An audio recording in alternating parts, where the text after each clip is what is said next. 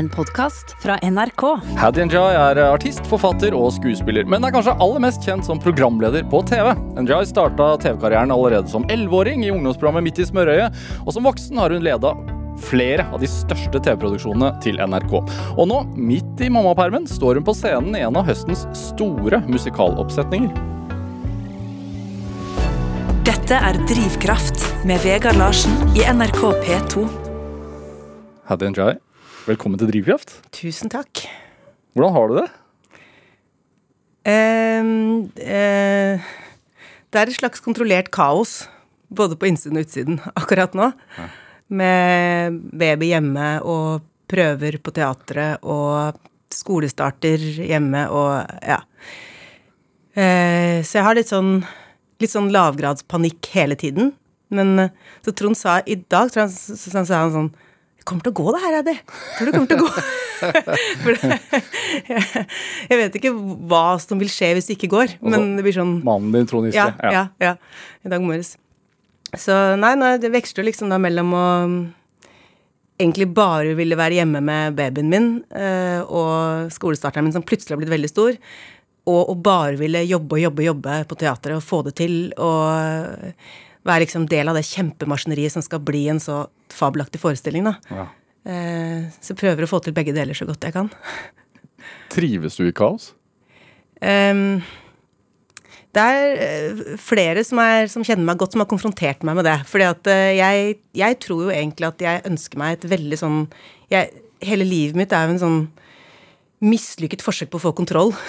altså, og jeg vil egentlig leve et veldig forutsigbart og, og kjedelig liv. Jeg er glad når jeg ser at uka Jeg vet jeg skal spise middag klokka fem hver dag. Jeg vet hva vi skal til middag. Bestilt på Oda. Altså sånn. Det er det jeg liker aller best. Men livet mitt er aldri sånn.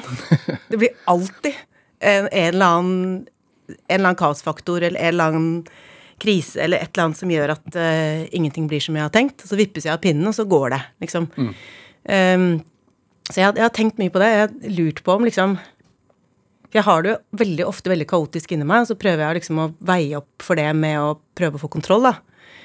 Eh, Etter at jeg fikk barn, så begynner jeg å skjønne sånne damer som kjøper mye sånn organiseringsbøker og sitter på Pinterest og kikker på sånn på sånne derre Rydd deg lykkelig? ja, sånne, sitter, og, sitter og googler på sånne velorganiserte skap som om det var porno, liksom. Å, se på den! Å, ikke sant, sånn. Jeg begynner å skjønne sånn. Eh, Hva heter hun? Kondo? Hun eh, ja, japanske? ikke sant? Ja. Ehm, eh, men så, så har jeg tenkt at det kan hende at det Fordi det alltid er så kaotisk inni meg, at jeg på en eller annen måte trekkes mot situasjoner som er kaotiske, sånn at det skal matche litt det som er inni og det som er utenpå, hvis du skjønner. Ehm, så jeg føl, føler meg jo Sånn som nå, da, så uh, har jeg jo Jeg har jo selvfølgelig har slitt med sånn barseldepresjon og sånt i tillegg, og så og så sa jeg til, eh, til psykiateren min, for han sa det er litt mye nå, det med teater og baby, og dattera mi har vært sjuk, vært på sykehus, det har vært veldig mye kaos, og så sa han liksom nå er det mye. Og så sa jeg ja, men jeg har tenkt på det, jeg vet ikke om jeg ville hatt det så mye bedre hvis alt hadde vært helt normalt, liksom. Hvis jeg ikke hadde skullet være på scenen midt i mammaperm, hvis ikke Altså eh, Mens nå har jeg i hvert fall noe å skylde på. Ja, når jeg ikke, når jeg syns verden er vanskelig. Ja, hva, altså at du må på Altså at du har så mye å sysle Ja, med? ikke sant? For at nå, nå kan jeg få si at jeg får til noe. Ikke sant? Hvis, hvis folk sier 'hvordan har du det', så sier jeg 'å nei, nå er det kaos'. i folk 'ja, det skjønner jeg'. Oi, oi, oi, du skal spille teater, og du har lite barn. Oi, oi, oi, så mye du har. Ja, fordi da, du har jo oppsøkt selv. Ja, jeg har jo i hvert fall fortsatt altså, jeg, så, jeg, jeg fikk den rollen jeg, jeg gikk på audition før jeg ble gravid, og fikk rollen før jeg ble gravid. Og da tenkte jeg det skal vel gå, selv om Maria skal begynne på skolen den høsten. Og, så, og så ble jeg gravid, og så tenkte jeg nei, det her går ikke, dette går ikke. Og så sier Trond jo, jo, slapp av, det her skal jeg få til. Jeg skal ta med alt. Jeg kan være hjemme, jeg kan komme på teater, du skal få amma, det her går fint. Og så liksom lirker jeg meg inn i en sånn situasjon hvor jeg ikke tenker så mye på det. Og så plutselig så kommer virkeligheten og slår meg i bakken. Og så, når jeg spretter opp igjen, så tenker jeg ja, kanskje det ikke var så dumt. Kanskje jeg egentlig fikk i hvert fall brukt den derre Jeg er jo veldig god på katastrofer. Og krisehåndtering. Og nå fikk jeg i brukt krisehåndteringen min til noe, istedenfor å bruke den på å handle inn nok sunn mat, liksom. For jeg tror jeg ville kjent at alt står på spill nesten uansett hva jeg drev med. Hva vil det si å være god på katastrofer? Um, jeg er veldig god på å mobilisere liksom en sånn type, et sånn type supergir, da. Hvor man får til ting man ikke trodde man kunne få til. Og det er klart, det er veldig fint å kunne det, men hvis man er i det giret hele tiden, da blir man jo syk. Sant? Så det er det å klare å porsjonere det ut riktig, og bruke det på de rette tingene. Fordi jeg tror som sagt at hvis jeg bare Hvis jeg hadde hatt et liv som var litt mer sånn Litt mindre klumpete og knutete og berg-og-dal-bane, så tror jeg nok at jeg ville vært like krisemaksimerende på sånn sånn bitte små ting etter hvert. Sånn man kan fort man kan bli opptatt av å spise rett mat, eller å ha det ryddig nok, eller mm, kjøpe rett bil eller ting eller klær, eller hva det måtte være. sant? Så jeg føler i hvert fall at jeg bruker den derre eh, ja, krisen Evnen min til å takle kriser på noe som også er fint, da. Ja. Har du prøvd en sånn rolig tilværelse noen gang? Altså med fast uh, jobb 9 til 4? Jeg har jo forsøkt Altså, jeg har aldri hatt fast jobb i hele mitt liv. Noensinne.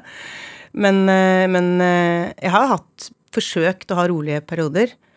Jeg skulle prøve i 2020. Da var sånn årsskiftet til 2020. Da! Nå skal jeg ha min rulleperiode. Det passa for så vidt med korona, men da var det også hjemmebarnehage. Og så kom jeg på en bok som jeg plutselig ville skrive, og så ble moren min veldig, veldig syk. Og så var det året over.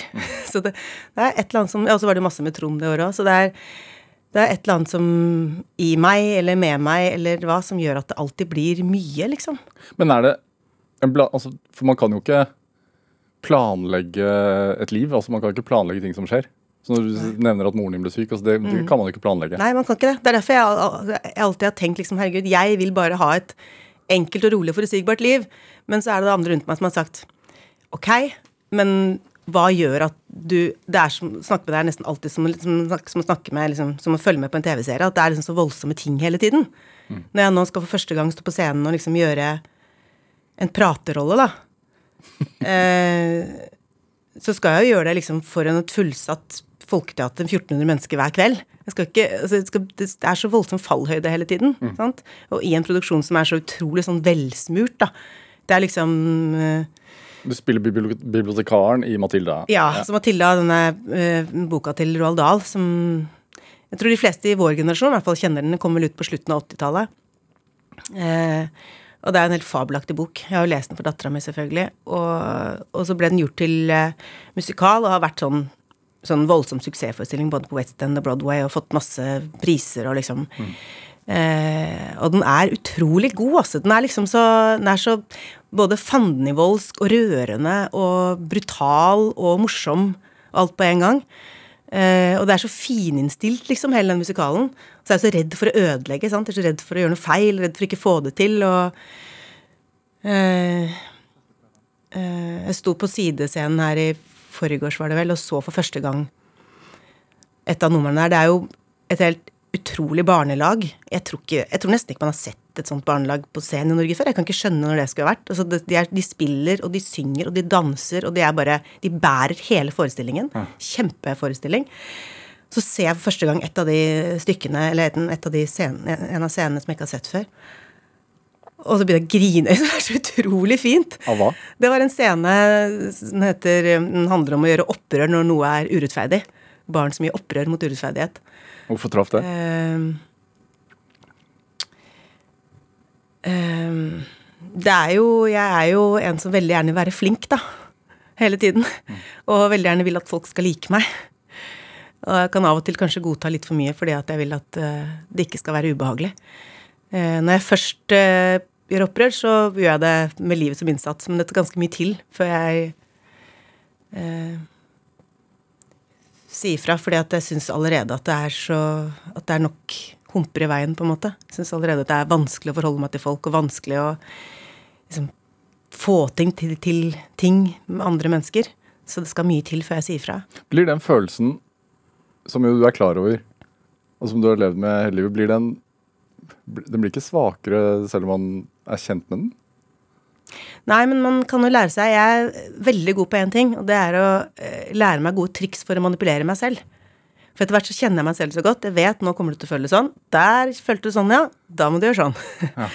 og jeg kan, eh, jeg kan eh, Jeg er jo god til å leve meg inn i ting, så jeg kan innbille meg ting som gjør at jeg fungerer bedre. Som for, altså for eksempel Um, ja, for eksempel når jeg skulle, da jeg skulle ned og ha min første prøvedag da, på Matilda. Og jeg syns jo prøveperioder Det kom jeg på da jeg kom ned. Å ja, prøveperioder, det er jo helt forferdelig, det. Ja. Det har jeg glemt.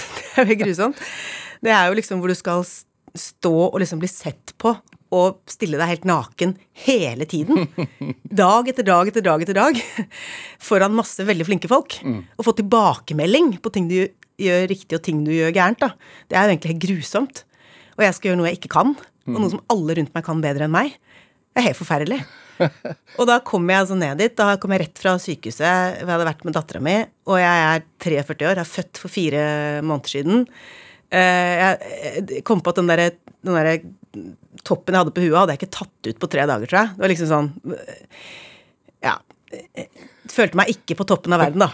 Og så kommer jeg ned dit, og så er det liksom en sånn gjeng med sånn friske, veltrente 27-åringer som er Norges beste musikalartister. De er sultne, de synger dritbra, de danser, de spiller teater, de spiller i, de spiller i andre forestillinger samtidig. Eh, de er vakre, de kommer i treningstøy. De har liksom sånn oppvarming som ville gjort at jeg, må, jeg hadde måttet dra hjem hvis jeg skulle være på den oppvarmingen. Så jeg sitter liksom ved siden av og eh, smiler pent mens de varmer opp. Og det er ikke så mange år siden jeg ville kjent at eh, nå Det her går ikke. Dette, jeg, ville, jeg bare ville vendt det inn mot meg selv da, og bare gått for godt i en sånn pøl av selvforakt i møte med den derre Eller blitt helt blendet av liksom men da har jeg lært meg et veldig godt triks som fungerer for meg både i sånne situasjoner og hvis jeg får liksom Jeg, kan, jeg har jo hatt mye sånn sosial, sosial angst og sånt, hvor jeg har problemer med å være nær folk. Og da har jeg lært meg at hvis jeg ikke gjør det som er naturlig for meg da, å se ned og trekke meg bort, men hvis jeg løfter blikket isteden og ser på de menneskene, mm. og ser på hver enkelt av menneskene Ikke se på dem som en gjeng, liksom, men se på hver enkelt av dem. Eh, prøver å se på blikkene deres, se på hvordan de beveger seg etter hvert som jeg blir kjent med dem, se på For hver har jo en distinkt måte å bevege seg på, å varme opp på, å synge på, å snakke med andre på. Og liksom finne menneskeligheten til hver enkelt, da. Mm. For det er det som gjør at jeg føler at vi liksom At vi tilhører hverandre, hvis du skjønner. Det, det er alltid når jeg klarer å finne liksom menneskeligheten i det mennesket jeg treffer, ikke bare hva de er flinke til, da kjenner jeg at vi hører sammen. At vi finner en, en tilhørighet hos ja. det mennesket. Hvis du skjønner. Er det, er det forståelig? Ja, veldig. Ja. Det, kan du, men kan det overføres til Altså dette er en scene og noen mm. Men kan det overføres til bare en sosial sammenkomst? Å ja, altså kan, Jeg er jo sånn som kan synes det er vanskelig å gå på bussen. og Jeg har blitt mye bedre på det, men før kunne det være virkelig sånn at jeg trodde jeg skulle svime av. For jeg har så problemer med å liksom, komme på en full buss og så stå tett inntil andre mennesker. Mm. Og da brukte jeg da å løfte blikket, se på hver enkelt, se å ja, du er en, en, unge som har sovet litt lite i natt, og, og, du er stressa, og du har ja, kanskje ikke sovet så mye heller, og ja, du Ja, den jakka passa kanskje en gang, nå begynner den å bli litt trang, ikke sant. Nå Du har tatt på deg litt for lite klær og sitter og fryser og eh, Så bare prøve å se hvert enkelt menneske, og så blir de mindre Det er et eller annet med at i takt med at jeg har, eh, ser deres menneskelighet, så blir jeg snillere med meg selv, da, eller har, får mer nåde med meg selv, på en eller annen måte. Hvorfor det, tror du? Er det fordi at man ser de er også bare folk? Jeg tror veldig ofte at eh, hvis man Jeg har det med, og i og med at jeg er så jeg, jeg er jo så opptatt av å være flink fordi jeg sant, sliter med det der som veldig mange sliter med, tror jeg, og se verdien sin hvis man ikke får til ting. Ikke sant? Jeg ser jo alle andres verdi bare som mennesker. Men meg selv så må jeg sånn få til noe for å kjenne at jeg er verdifull. Sant? Det er vel sånn klassisk som mange eh, baler med. Er det derfor også du sier ja til sånne roller? jeg er redd for at det i hvert fall er eh, sikkert en del av det. Mm. At, jeg, at, jeg, trenger å gjøre noe som jeg ser Å ja, jeg fikk i hvert fall til det. Måte, Men da må jeg jo få det til, da. Så da blir det jo liv og død å få det til, sant. Mm. og når man er, har sånn legning, så tror jeg det å det blir fort at man bare liksom sammenligner fasader med folk. ikke sant? Og de får til det, og de får til det, og jeg får bare til det, og de ser sånn ut, og jeg ser sånn ut, og sånn. Eh, men så har jeg jo lært meg at man blir jo aldri glad i et menneske fordi at det mennesket er flink til noe, eller ser sånn ut, eller får til ting. Man blir jo alltid glad i et menneske, eller får en godhet for et menneske fordi man opplever noe det er, ikke sant? Og gjerne noe som er veldig menneskelig, da, som jo ikke bare er fint og rent og rank, men ikke alltid får til ting, eller mm. um, noe er litt skeivt og vrangt, liksom. Det er gjerne da jeg finner kjærligheten for andre, og i det kanskje til meg selv, da. Er det derfor også du er så åpen om det? Ja, det har jeg Jeg tror det er veldig viktig. Jeg tror at det, det er egentlig like mye for min egen skyld. Fordi jeg blir veldig sliten av å skulle sitte og bare skulle skrape overflaten, liksom. Eh, jeg får det mye bedre når jeg sier hvordan jeg har det. Og at eh, hvis, jeg har, hvis jeg har det tøft en periode, så hvis jeg sier det, så både forteller jeg meg til meg selv, sånn at jeg blir litt snillere med meg selv, og så gjør jeg at omverdenen også um, ser litt bak alt det jeg får til. For det er veldig vanskelig å se på meg når jeg har det. Jeg har jeg har jo lært meg det, at det, det, ser veldig Jeg ser veldig annerledes ut innenfra enn jeg ser ut utenfra. Så når jeg kan føle meg som en sånn mørk flekk som liksom sniker seg inn bakerst, så kan andre se meg som en som får til masse og liksom bare spankulerer rundt i livet fra seier til seier, på en måte. Mm. Uh, og jeg må bare godta at av og til så kan det se litt sånn ut, men da skal jeg i hvert fall gjøre mitt for å få til at ingen skal føle at de må få til masse rundt meg, i hvert fall.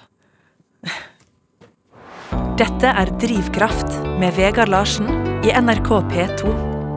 Og i dag er eh, artist og programleder Haddy Njay her hos meg i Drivkraft på NRK P2. Hva får du igjen for å stå på scenen? Altså det, vi snakker jo om det presset som du gir deg selv ved å takke ja til en sånn rolle. Men hva gir det, da? Altså, er det eh, applausen? Er det Det jeg liker aller best, ja. både med TV-produksjoner og det med å stå på scenen sånn, det er å få være en del av en sånn stor maskin. Ikke sant? At du Det er jo sånn med Og da har jo jeg en jobb hvor jeg blir veldig synlig i, en, i den maskinen, da. Men det er jo i en TV-produksjon, f.eks., du vet jo det, så er det jo liksom Det er en hel haug med mennesker. Eh, både på teknisk og på innhold, og det er gjester, og det er masse mennesker som gjør en sending til det der. Bare å se på en rulletekst ja, hvor, hvor, mange som lager noe. Ja. Ikke sant?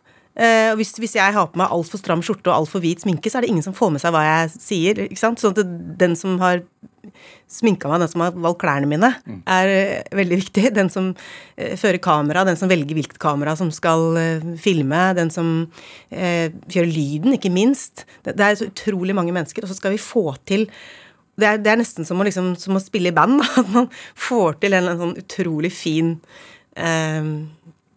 man skaper noe utrolig fint sammen. Mm. Og hver enkelt av oss eh, får ikke til noen ting. Altså, som, hvis det bare er han som, som, kjører, som setter lyset, så blir det ikke noe særlig TV-sending. og hvis det bare er meg, så blir det heller ingenting.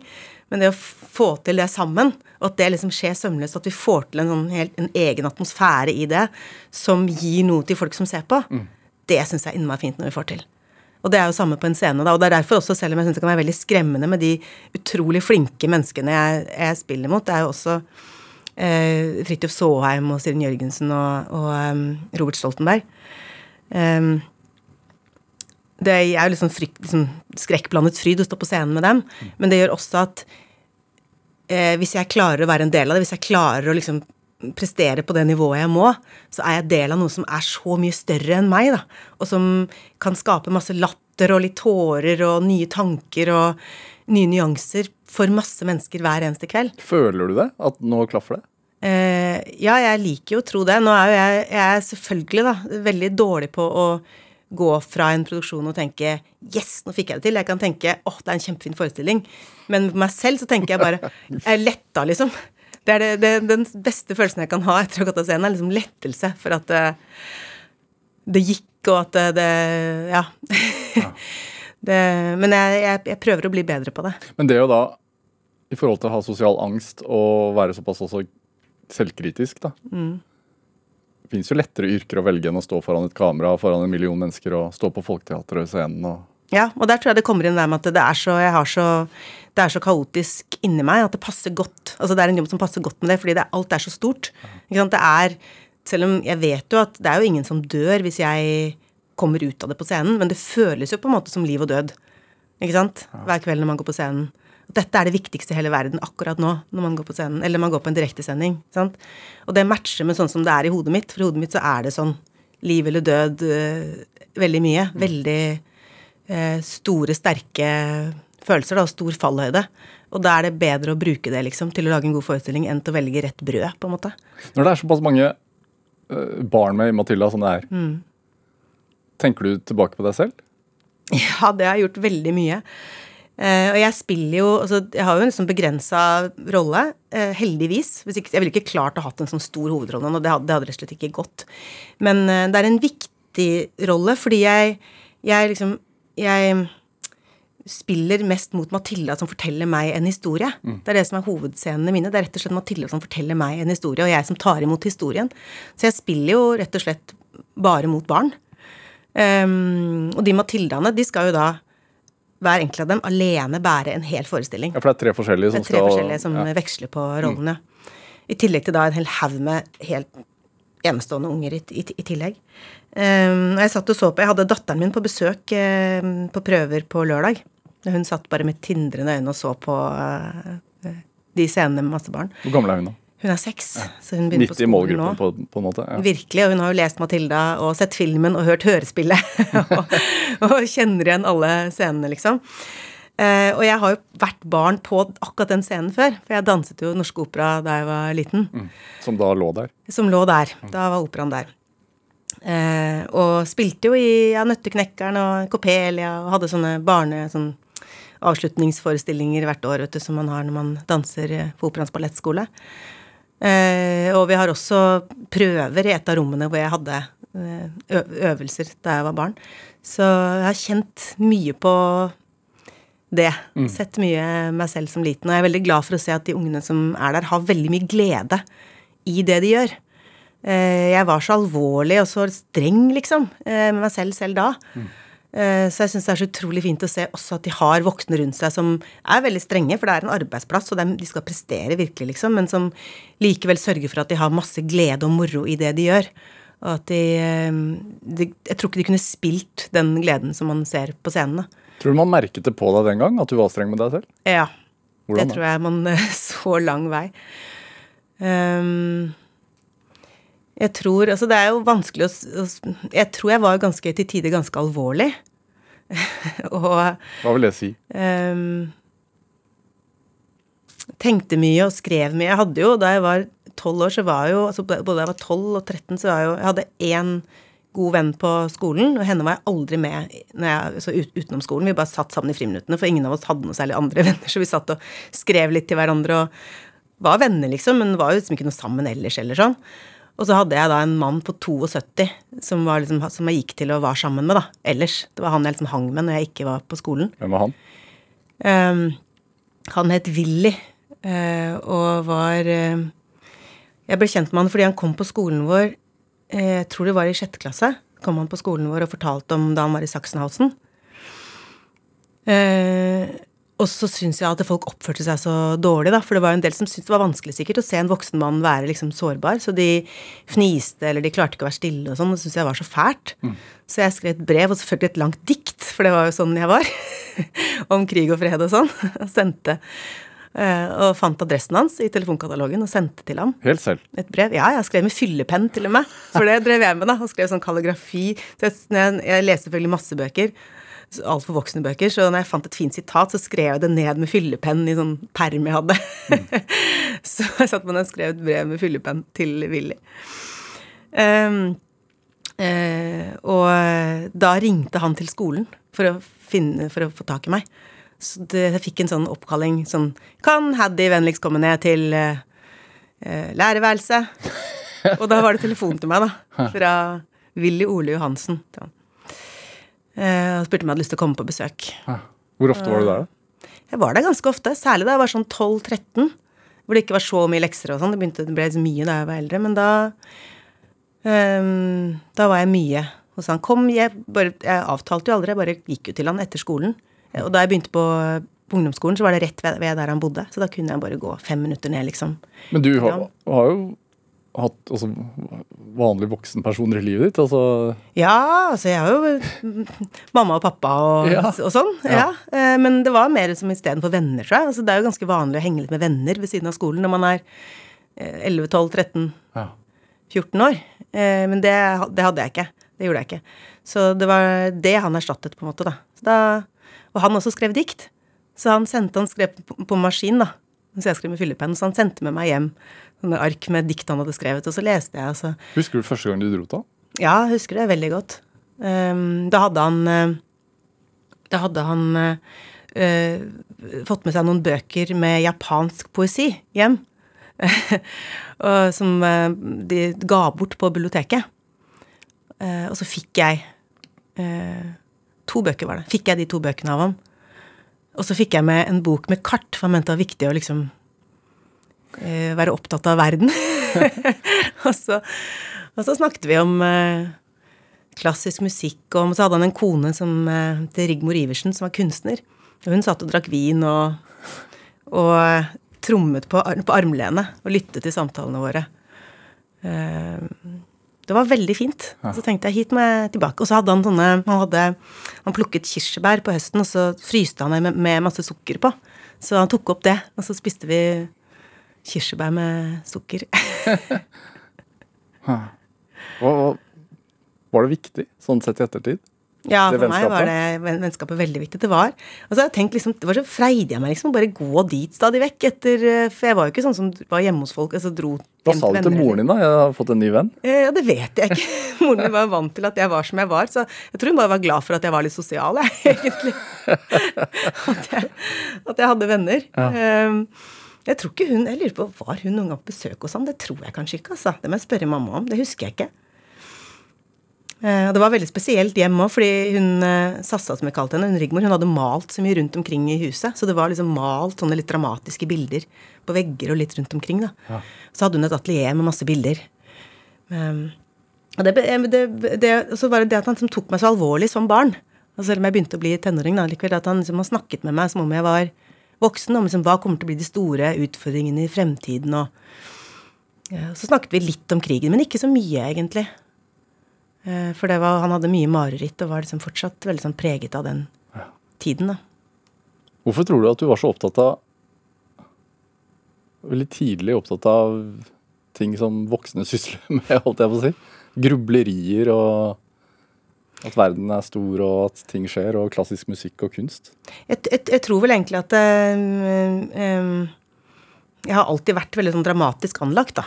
Ja. Det, men det er man jo som, som tenåring. Og så kan man jo ikke sant, ak akkurat som det med, som jeg sa med at jeg tror veldig ofte så har man, hvis man har kaos inni seg, så finner man noe å hekte det kaoset på. Ikke sant? På samme, jeg tror det har vært sånn med meg òg, at det har, det har vært mye liksom, dramatikk inni hodet mitt, og så prøver jeg å finne ting i livet som kan passe å hekte det på, hvis du skjønner.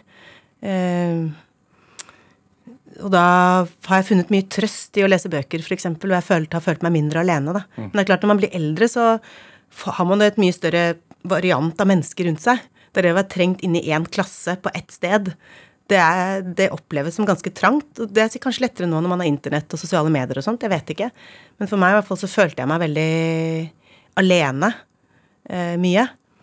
Eh, så da å treffe han, da, som, som syntes det var så fint å være sammen med meg og, og, snakke med meg, eh, og ville høre på det jeg hadde tenkt, det, det var veldig verdifullt. Du vokste opp på Kolbotn.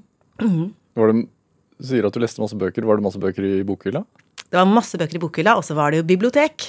Og det er noe av det som er fint med den rollen jeg har på Folketeatret nå, at jeg spiller jo en bibliotekar ja. som liksom åpner verdenen, altså bøkenes verden for Matilda. Matilda kommer fra et hjem hvor man syns at det, det, er ganske, at det er litt altfor Det er skadelig å lese bøker. Man blir stygg av å lese bøker. Pretensiøst og dumt. Man må heller se på TV.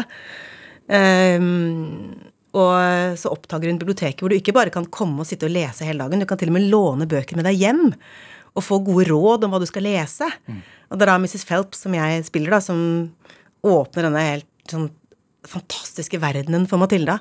Og jeg er utrolig glad i bibliotek. Mm. Og det er et sånt sted hvor man kan er, Tenk deg hvor få steder som fins i byene, eller egentlig overalt i Norge, men sånn særlig i, i byene, da, hvor du kan gå inn hvor det er ingen terskel, liksom. Eh, du kan gå inn og sitte og, du kan sitte og lese en egen bok, eller sitte og scrolle, eller sitte og lese til eksamen, eller eh, skrive bok, eller hva du vil. sant? Er, du kan gjøre det til, til ditt rom. Um, og sånn som Deichman der hvor jeg bor, da, på Grünerløkka, så er det utrolig flott barneavdeling hvor uh, vi kan uh, sitte i en saccosekk eller i en trapp eller og lese og tegne og så snakke. Så du tar med datteren din dit selv om ja, ja, vi er Dere har bøker hjemme? Ja, altså Jeg har måttet slutte å kjøpe Jeg har så mye barnebøker, så jeg, jeg har måttet slutte å kjøpe flere barnebøker. Det er veldig veldig få barnebøker jeg kjøper fordi det er fullt. Jeg kan ikke ha mer. Mm. Men jeg har til enhver tid uh, lånt uh, bøker.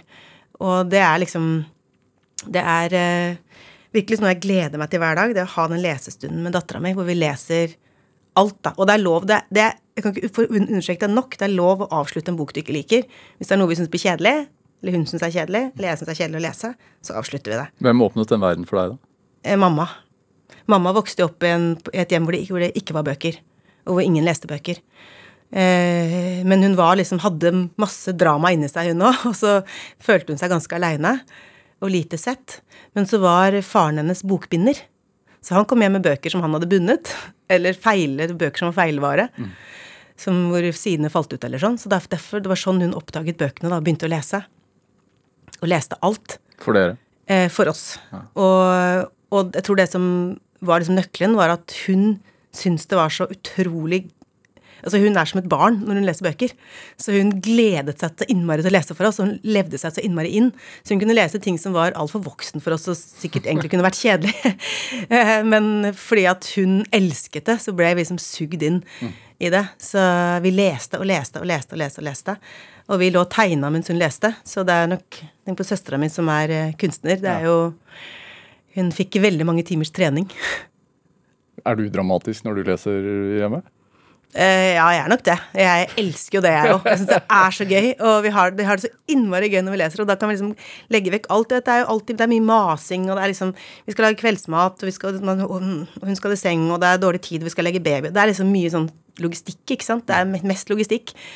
Så da har vi har en fredag Vi har egentlig satt av en time, da, for da blir det alltid spist litt på hver side, liksom. Som skal være vår, da. Alltid. Hvor vi skal kose oss og spise noe godt og lese. Og bare ha liksom Da har vi stua helt for oss selv. og, så, og så skal vi lese. Leste faren din noen gang? Eh, pappa sang for oss. Han leste ikke for oss. Han sang og fortalte av og til en eventyr. Hadde en gambisk nattasang som han sang for oss. Og så fortalte han eh, eventyr for oss. Synger du dem? Ja, det hender jeg gjør. Jeg synger sanger, synger mye, mye for uh, Maria. Hun er ikke så glad i å sove, så jeg har sunget mye. Og da synger hun også mye dramatisk, da. Både fint og koselig, men også mye dramatisk. Hun liker det, hun òg, dessverre, så jeg vet ikke om det er alltid sånn som jeg tenker, er, det, er hun født sånn eller blitt sånn? Ja. At hun uh, liker uh, sanger som egentlig burde være altfor triste og fæle for henne. Nå leser vi en sånn serie som heter Den onde greven-serien, som er 13 bøker om tre barn hvor det, sånn, det bare skjer forferdelige ting med. Bare helt grusomt. Første bok så blir foreldrene drept, og det blir plassert en sånn forferdelig greve som bare vil drepe dem og stjele formuen deres. Og så blir det bare verre fra da i hver eneste bok. Og vi koser oss så innmari med det! Syns det er så deilig. Når du, når du da tenker tilbake på at du var et alvorlig barn med litt indre kaos, da. Mm. Er, er, du redd for at det, som du sier, er det arvelig eller ikke? Jeg er veldig redd for det, men så har altså De har jo en veldig blid pappa, da.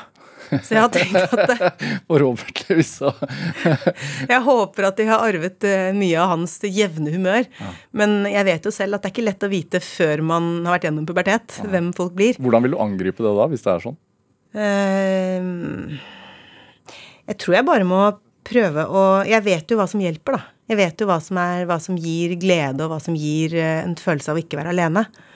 Uh, og sånn sett, også, også det å jeg, var veldig opptatt av tidlig å gi datteren min navn på følelser.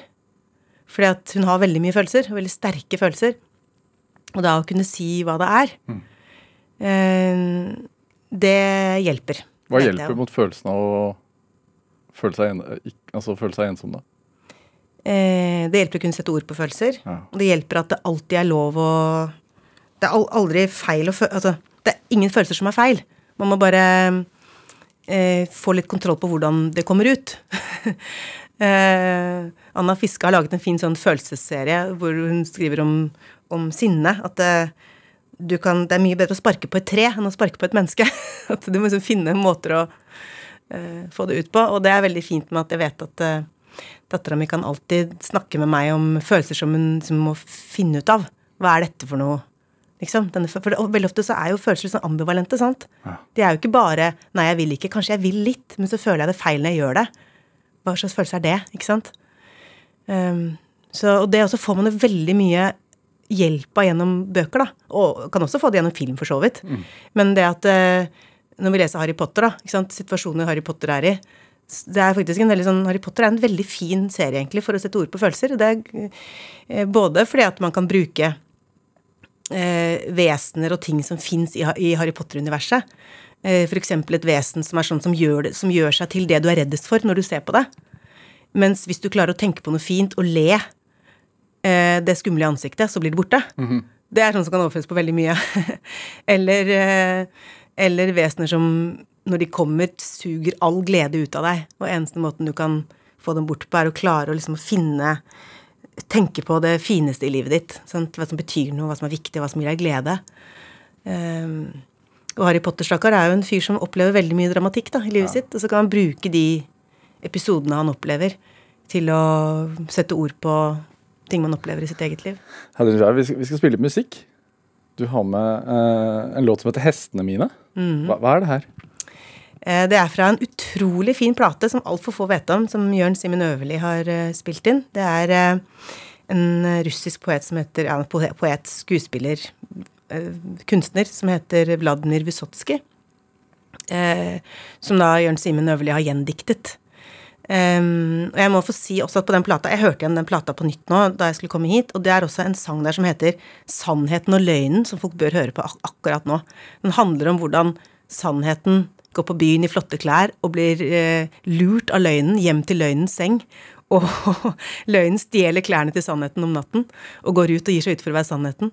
Men sannheten kommer ut naken og blir bare skjendet av pøbelen og går hjemløs og syk rundt i gaten og blir avvist.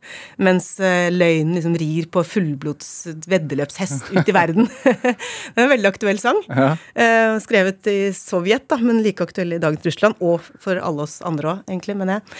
Eh, mens hestene mine er kanskje en av Vysotskijs mest kjente viser, tror jeg.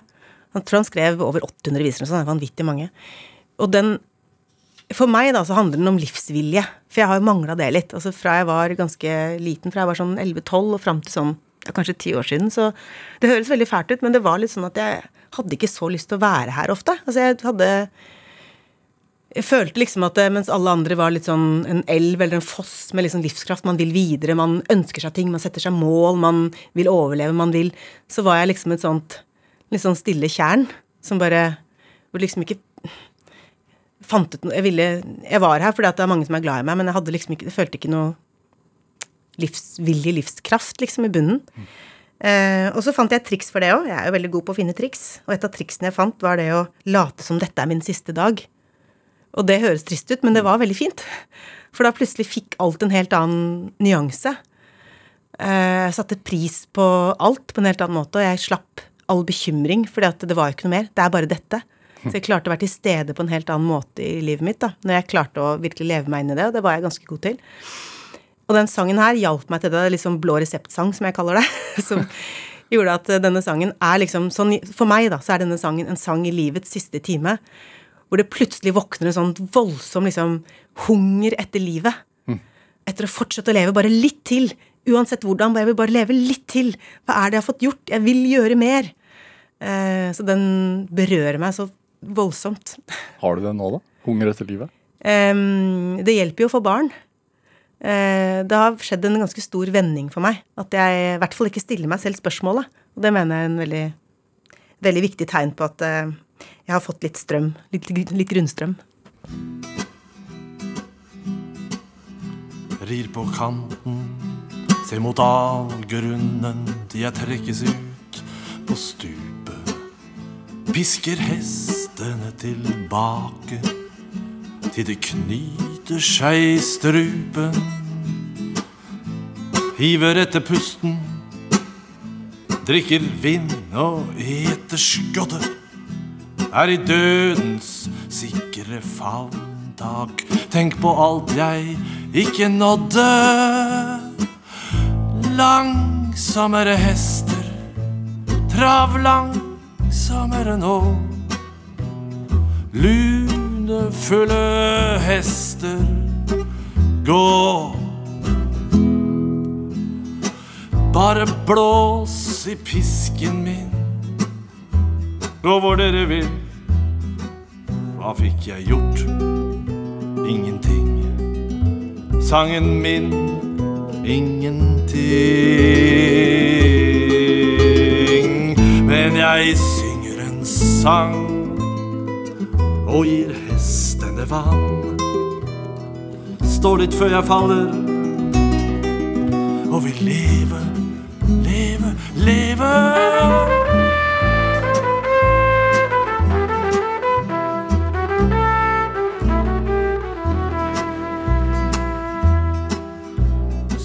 Sandkorn blåses bort i en orkan, skal jeg gå hen. Og i rasende galopp drar mine hester meg bort i sleden. Og travlangsommere hester, jeg sverger, ber og tigger om at veien må bli lengre bort dit der de andre ligger. Langsommere hester og travlangsommere nå. Lunefulle hester, gå. Bare blås i pisken min, gå hvor dere vil. Hva fikk jeg gjort? Ingenting. Sangen min ingenting. Ja, du fikk uh, Jørn Simen Øverli som synger 'Hestene mine' her i Drivkraft på NRK P2. Valgt av dagens gjest her i Drivkraft, nemlig artist og forfatter og TV-programleder uh, Haddy Njay. Vi snakka litt om født sånn eller blitt sånn, holdt jeg på å si. Ja. Eh, Kolbotn hjemme, hva slags sted var det? Det er veldig fint på Kolbotn. Ja. Det er Stille og rolig og oversiktlig og eh, Ja. Fine steder å leke og kunne gå ut aleine og leke med de andre barna. og Alt er fint, men eh, jeg har jo liksom vært en litt sånn rastløs sjel, da, med litt sånn utferdstrang. Så for meg ble det kanskje litt eh, trangt, særlig da jeg ble tenåring, at jeg følte meg veldig sånn aleine og annerledes, som sikkert alle gjør på et eller annet nivå når de er tenåringer. Vokste opp i leilighet, eller? Ja, vi bodde i hus en stund, og så skilte foreldrene mine seg. Da flytta vi i leilighet. Hvor tidlig var det? Eh, Da var jeg ti år. Ja. Da bodde vi først i kommunal leilighet i et år, som var ganske sånn, det var en litt sånn tøff tid. Og så eh, flytt, fant vi en leilighet selv etter det, som var et veldig flott sted med mange steder og rett, rett ved skogen og vann og Veldig fint. Hvorfor var det tøft? Eh, nei, det er, jo, det er jo alltid tøft med en skilsmisse. Og selv om mine foreldre gjorde alt de kunne for at det skulle bli fint for oss, da. De var, hadde vært samarbeidet kjempefint og sånn, så, um, så, var det jo også hadde vi, veldig, veldig dårlig råd. Og mamma hadde det ikke noe greit, og pappa hadde det ikke noe greit. Så det Og for sånn barn som meg, og det var jo da jeg også var i midt i smørøyet og skulle liksom danse på operaen tre ganger i uka, fire ganger i uka, og være her og spille inn eh, TV-program og Så da ble jeg liksom veldig voksen, da. Veldig tidlig. Og det vet man også, barn som hvor man vet at man har lite penger, så blir det til at man tar mye ansvar eh, Hvordan da? hjemme. Um, nei, jeg husker det var sånn som uh, mamma fortalte at eh, en av de somrene der og vi hadde så dårlig råd, så fikk vi eh, sånn, Da jobba mamma da, hele sommeren. Jeg tror det var det året hun, hun solgte jordbær, tror jeg. Eller jeg er ikke sikker, jeg tror det var den sommeren. I hvert fall så var hun på jobb hele dagen hele sommeren. Og da fikk vi, eh, da fikk vi sånn sesongkort på Tusenfryd. Det høres jo veldig dyrt ut, men det er ikke så dyrt hvis du tenker på at man da har noe å gjøre hver dag hvis man vil, hele sommeren. Så det var barnepasseren på en måte? Det var liksom barnepasseren og sommerferien og alt. Og da fikk vi alltid med oss litt penger, da, i tilfelle det var noe liksom som skjedde. Eh, men jeg kommer gjerne hjem med hele, med alle pengene igjen. At vi klarte oss med, hadde med matpakke og saft og, og sånn. Og, og på en måte så em, tenker jeg at ja, jeg tok litt for mye ansvar, var litt for opptatt av at vi hadde dårlig råd, var litt for bekymra for får vi fornya leiekontrakten, får vi bo her igjen, hvor skal vi bo da, kommer vi til å finne et annet sted hvor vi har muligheten til å betale, ikke sant, som så det var, men, eh, men samtidig så Jeg har sagt det til Jeg har bekjente som har ordentlig dårlig råd og har barn. Og jeg har sagt at eh, på mange måter så er det også en gave som jeg føler at det er vanskelig å gi videre til mine barn. Da, fordi at man blir veldig takknemlig. Og man føler som barn også at det er noen ting man mestrer. At jeg, hvis jeg klarer å ikke kjøpe meg slush og is og pølse på Tusenfryd, så betyr det faktisk noe. Ikke sant? Det kommer hjem og har fått til noe. Og at vi kan dra på ferier som hvor vi hvis, hvor vi har liksom veldig budsjett, da. Vi hadde f.eks. en sykkeltur hvor vi liksom hadde et budsjett hver dag. Hvor vi måtte bo på sånn fellesrom, ikke sant. Og ikke kunne spise ute, men så kunne vi kanskje spise én gang ute, da. Og da var det noe vi kunne glede oss til å telle ned dager til. Og det ble Og jeg husker jo da det måltidet hvor jeg spiste lasagne den gangen. Mens dattera mi kommer ikke til å huske sånt, for hun spiser ute hele tida. sant? Eh, At jeg fortsatt kan tenke, hvis jeg kan ta en taxi når jeg har dårlig tid, så tenker jeg fader, jeg kan ta en taxi. Sant? Det er greit. Eh, når jeg trekker kortet når jeg har betalt eh, i dagligvarebutikken, så kan jeg tenke at da, jeg trenger ikke å se herregud, hvor mye ble det? Går det greit? Ble det mer enn jeg hadde tenkt? Jeg kan trekke kortet og så ikke tenke på det. Eh, og det å få litt sånn støt av glede og takknemlighet over det hver gang, det er jo en gave. Så det er litt sånn tveget det der, og jeg tror veldig mange foreldre sliter med akkurat den balansegangen da i Norge, fordi vi vil gjerne at barna våre skal ha alt. De skal ikke være utenfor, de skal ikke ta for mye ansvar, de skal få lov til å være barn og ikke, ikke sant? Sånn. Men samtidig så vil vi at de skal være takknemlige for alt, at de skal vite alt det vi har, at de skal, ikke sant. Og det går kanskje ikke helt i hop, da. Men hvordan havna du i det hele tatt på Midt i smørøyet og operaen og eh, operaen det var faktisk at Jeg begynte å danse da jeg var fire år. Moren min har alltid vært veldig glad i opera og sånn, så det var noe som vi sparte penger til. At vi virkelig sånn spiste grøt til middag og sparte penger for at vi skulle kjøpe billett og dra og se en forestilling. Sånn, så det var skikkelig stort når vi skulle dra i operaen. Det var virkelig sånn høytid. Um, fra vi var ganske små. Både teater og opera. Så danset jeg ballett, og så var det hun pedagogen min som sa at jeg burde søke på operaen fordi hun mente at jeg var flink til å danse, da. Um, og med Midt i smørøyet så var det at vi, moren min og søstera mi hadde da spart penger til å gå ut og spise en gang, og det var da, ikke sant, det var veldig stort, da. Så på kinarestauranten på Kolbotn, så da satt vi der og spiste, og så Da hadde vi ofte show, da, søstera mi og jeg, for mamma. Eh, vi var et fryktelig bra gjeng, liksom. Eh, vi tre, Da var mamma og pappa skilt, så da var det oss tre, liksom. Så var vi hos pappa da, jevnlig også, men det var vi tre som bodde sammen. Og så hadde Aysut og jeg show, da hadde vi sånn P2-program, tror jeg. Sånn, eh, hvor vi lot som vi var sånn Bokkritikertorget, var det. Helt normalt å ha som barn. Ja. P2 bok. Vi hadde sånn, vi hadde sånn, eh, bok, sånn litteraturkritikkprogram, liksom. eh, Hvor vi, som vi, hvor vi spilte ut forskjellige folk, da, forskjellige dialekter, og tulla og tøysa for å få mamma til å le. Og så øh, Vi var liksom så gira fordi vi var på restaurant og alt. Eh, og da var det en som het Tane Haugen, som var eh, producer i Midt i smørøyet, som satt på bordet ved siden av, for hun bodde også på Kolbotn. Og så um, Senere en gang så, traff hun meg på Kolbotn torg. Da tror jeg faktisk jeg var på vei til biblioteket utenfor der. Og så sa hun du, du må Jeg vil veldig gjerne at, at du kommer på audition til Midt i smørøyet. Og da var jeg veldig skeptisk. da Jeg sa at nei, du får ikke mitt nummer, men jeg kan få ditt, og så kan kanskje mamma ringe deg. For jeg hadde hørt at det var liksom skummelt å gi nummeret sitt til fremmede. Så Midt i smørøyet som den gang var da sånn barne- og ungdoms-TV på lørdager på NRK. Ja, det var uh, Det var det største som var for unger å se Ja, på. det var veldig Det var ganske voldsomt, egentlig. Hvordan skifta syn Altså, hvordan så folk annerledes på deg i skolegården da? Ja, det var kanskje første gang jeg opplevde det der at det, det, jeg ser annerledes ut utenfra enn innenfra.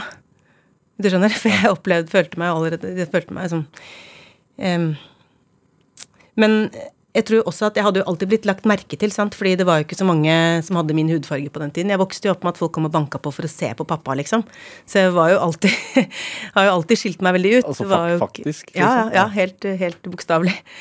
Ja, så jeg har jo alltid blitt sett og husket, og der er hun, liksom. Så sånn sett så var det ikke så stor forandring med at jeg følte at jeg ble liksom fortsatt Jeg ble glant på, på en måte. Hvordan, hvordan snakket dere om det hvis det skjedde? Ja, vi snakket ikke så mye om det. Jeg tenkte at sånn, sånn er det å bo i Norge, liksom. Og pappa er jo som førstegenerasjon. Han kom hit i 72, sant. Da hadde han reist gjennom Europa i mange år og var vant til at sånn er det. Ja. At folk vil ta på håret hans, og folk vil kalle han eh, rare ting og sånn.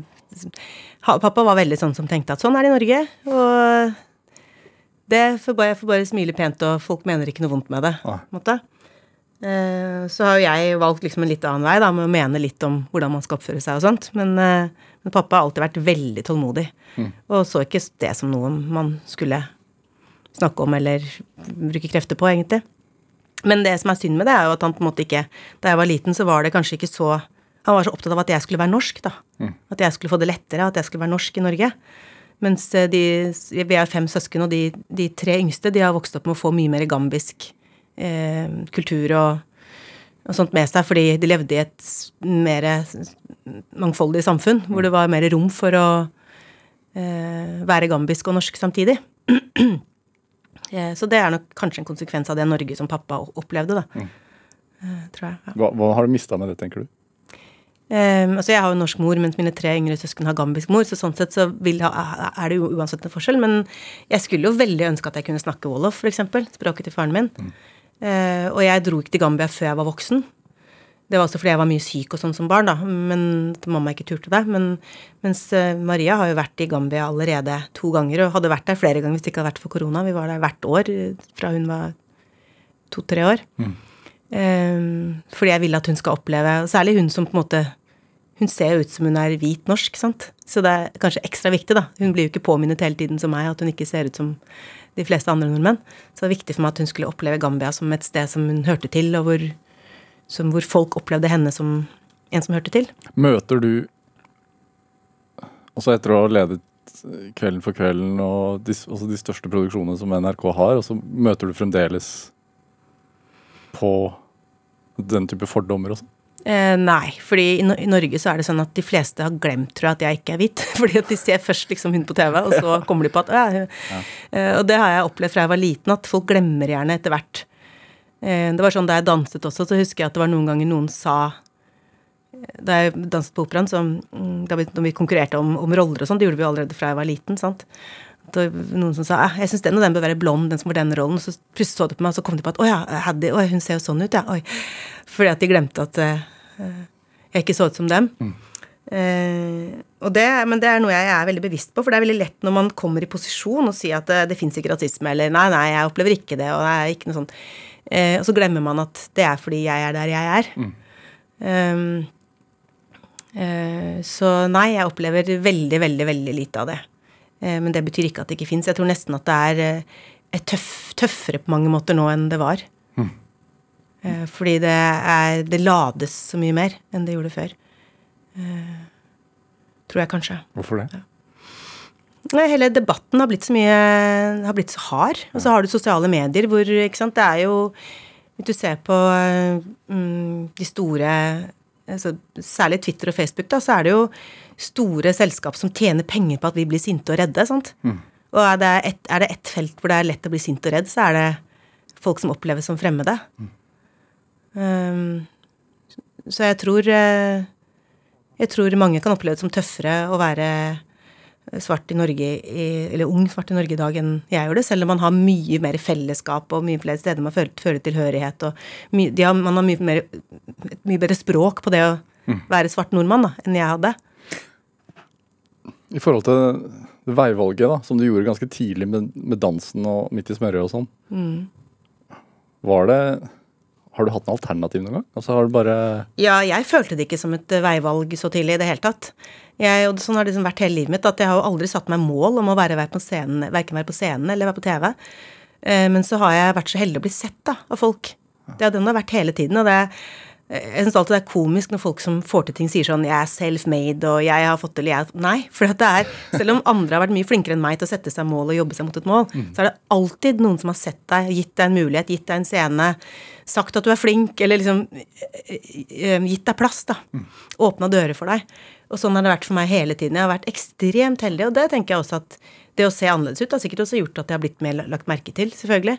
Og at eh, alle sånne store skritt jeg har tatt, har vært fordi noen har sagt du bør. ikke sant? Enten det var hun pedagogen på ballettskolen, eller det var hun Tana Haugen i Midt i smørøyet, eller det var da jeg jobbet på Mono som bartender, hvor de sa kan ikke du spille en sang på kvelden, for de hadde hørt meg spille på nachspiel, liksom. Kan ikke du gå på scenen og spille en sang? Kan ikke du ha en liten konsert? Til eh, TV-aksjonen som Eller Queendom som sier eh, Kan ikke du gjøre en liten audition for oss? Kan ikke du komme og spille? Ta med deg gitaren. Og så sier TV-aksjonen Kan ikke du komme og gjøre en skjermtest? Vi har sett deg med, med Queendom. Men du har vært flink òg, da. Ja, altså jeg har jo jobba rumpa meg på alle, alle muligheter jeg har fått. Ja. Eh, er Sier du det til deg selv noen ganger òg? Ja, at jeg jobber hardt, det er jeg ikke i tvil om. Men jeg, jeg ser også at alt jeg har gjort, kan andre gjøre bedre. Men så er det sånn at det er litt flaks, og så er det litt hard jobbing, og så er det litt evner jeg har, da. Det er en kombinasjon av de tingene. Du har, du, du har vært veldig åpen om at du har slitt med mye psykisk sykdom og, Mm. og blitt utbrent noen ganger. Hvor, hvor tror du styrken kommer fra, gang på gang? Jeg jo, altså, jeg har alltid sagt at min liksom, fremste bensin er skrekk. altså redsel. Jeg er veldig redd for å mislykkes. Veldig redd for å Jeg har alltid tenkt at det, det kommer til å gå bra en stund, og så kommer det til å gå helt skeis. Og da må jeg bygge meg opp så godt jeg kan før alt raser, liksom. Da bør jeg ha en grei økonomi i bånn og sparte opp penger, kanskje eie stedet jeg bor. Altså at jeg skal kunne falle helt ned, og likevel kunne klare meg greit, liksom. Eh, og den jobben jeg gjør også, altså, jobben jeg har også, så er jo alt en audition. sant? Alt du gjør, er jo I og med at jeg ikke har en fast jobb, så er det sånn alt jeg gjør, hvis jeg gjør det dårlig, så får jeg ikke noe mer jobb. sant? Så det er skrekken, den store skrekken for at alt skal rase, og alle skal hate meg, og jeg må eh, bare klare meg eh, på liksom, knapper og glansbilder. den store skrekken, og så den lille skrekken på at eh, alle skal avsløre Det er jo selvfølgelig er voldsomt sånn Så skrekk er en drivkraft, vet du? Eh, Ja, det har alltid vært det for meg. Det, det er liksom det, Jeg har aldri vært drevet av eh, jeg, jeg har satt meg et mål om at jeg skal bli programleder der, eller jeg har satt meg et mål om at jeg skal gi ut plate, eller Aldri. Hva gjør deg lykkelig, da? Eh, de jeg er glad i. Menneskene som er rundt meg. Det er eneste gangen jeg kjenner sånn ordentlig ro inni meg, tror jeg. Det er når jeg er eh, Jeg ville helst bare være sammen med dem hele tiden. Eh, når vi har liksom en dag sammen hvor det ikke er noe annet jeg skal prestere eller gjøre, vi bare kan, vi bare kan være sammen. Det gir meg enormt glede. Hadin Shai, tusen takk for at du kom til Drivkraft. Takk for at jeg fikk komme. Hør eh, flere samtaler i Drivkraft på nrk.no eller i appen NRK Radio. Send oss gjerne ris og ros og tips til mennesker som du mener har drivkraft. Send denne e-posten til drivkraft krøllalfa Vi hører veldig gjerne fra deg. Produsent og researcher i dag var Kjartan Aarsand. Jeg heter Vegard Larsen. Vi høres. Du har hørt en podkast fra NRK. Hør flere podkaster og din NRK-kanal i appen NRK Radio.